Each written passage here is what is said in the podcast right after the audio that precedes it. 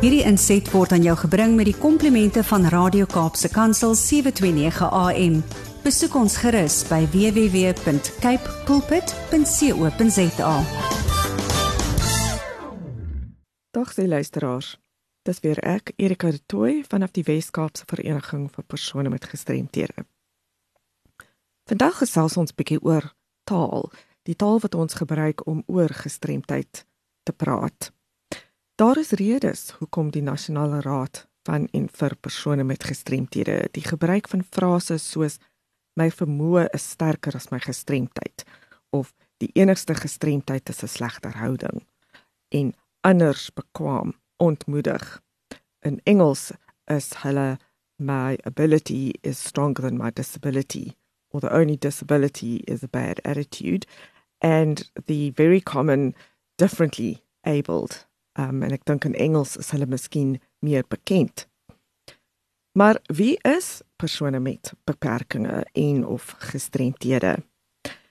Volgens die tegniese bystandsriglyne oor die indiensneming van persone met gestremthede.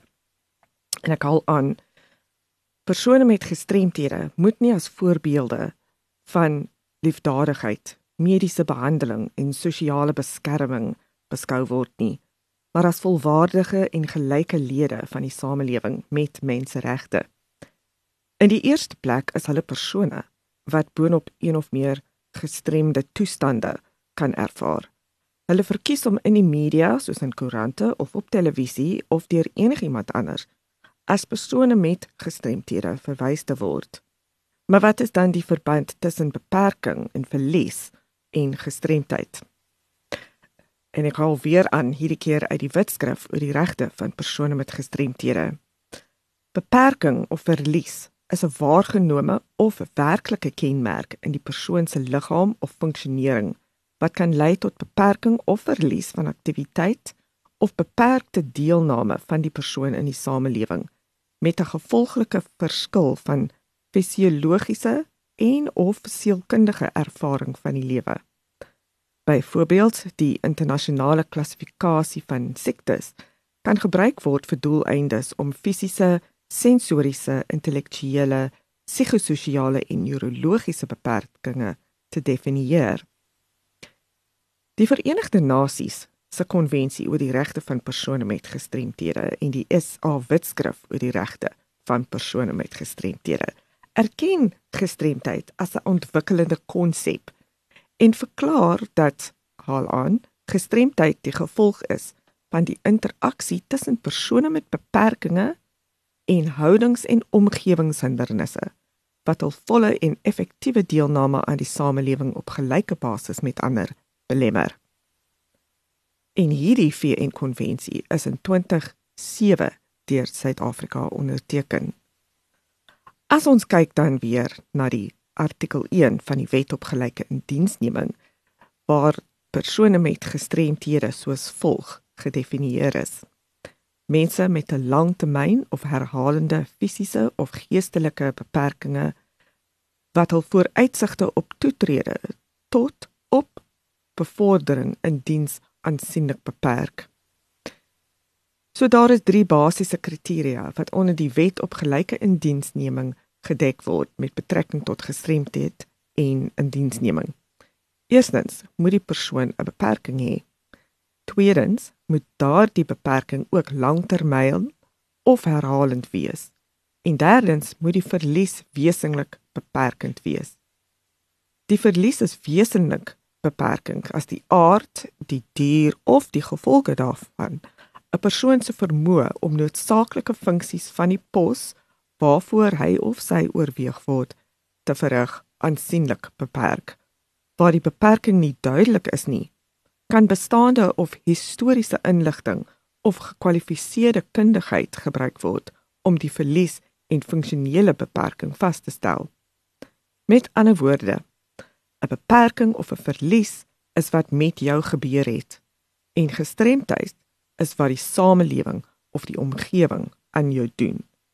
Gestremdheid het dus absoluut niks met vermoë te doen nie, maar alles met diskriminasie.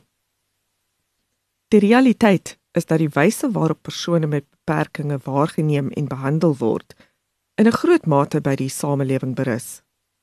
Stellings wat ontken dat 'n sekere beperking of verlies 'n gestremdheid is of dat persone met beperkings nie deur die samelewing gestrem word nie, maar eerder anders bekwam is, impliseer dat die persoon met 'n spesifieke beperking die mag het oor hoe hy of sy in die samelewing waargeneem en ingesluit of uitgesluit word. Dit is onmoontlik. Dit strook nie met wetgewing nie en is 'n hindernis vir die implementering van gestremdheidswetgewing en redelike akkommodasie.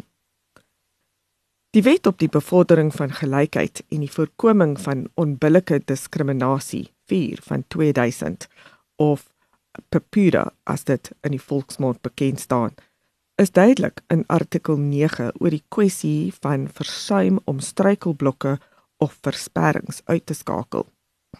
Ek haal weer aan.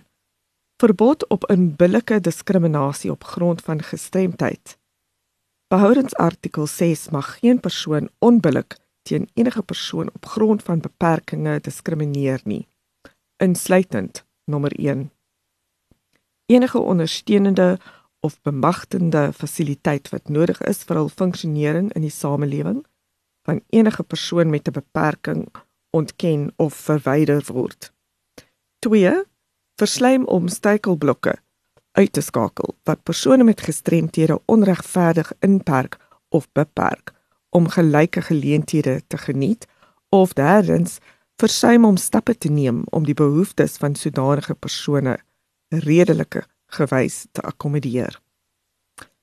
Taal weerspieël die sosiale konteks waarin dit ontwikkel en gebruik word.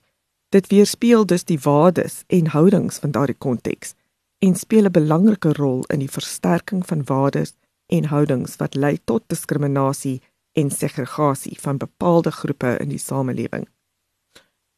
Let wel, taal kan dus as 'n kragtige instrument gebruik word om veranderinge te fasiliteer en nuwe waardes, houdings en sosiale integrasie teweeg te bring. In onlangse jare het persone met gestremthede aanspraak gemaak op individuele en kollektiewe regte en probeer om hul omstandighede deels te verander deur die woorde wat gebruik word om hulle te beskryf. Negatiewe woorde en stereotypes is 'n hindernis om die realiteit van gestremdheid te verstaan.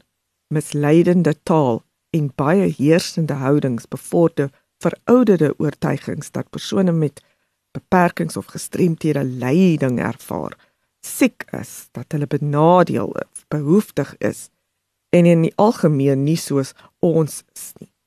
En het persone met gestremthede naas mekaar geplaas met diegene wat nie bekwam is nie. Om hierdie redes ontmoedig NCPD die gebruik van frases soos my vermoë is sterker as my gestremdheid. Die enigste gestremdheid is 'n slegter houding en anders bekwam en soortgelyke terminologie. Stuur gerus enige navrae of kommentaar aan my by awareness@wcapd.org.za of skakel my kantoor by 021 352 2881. Ek hoor graag van u. Hierdie inset was aan jou gebring met die komplimente van Radio Kaapse Kansel 729 AM. Besoek ons gerus by www.cape pulpit.co.za.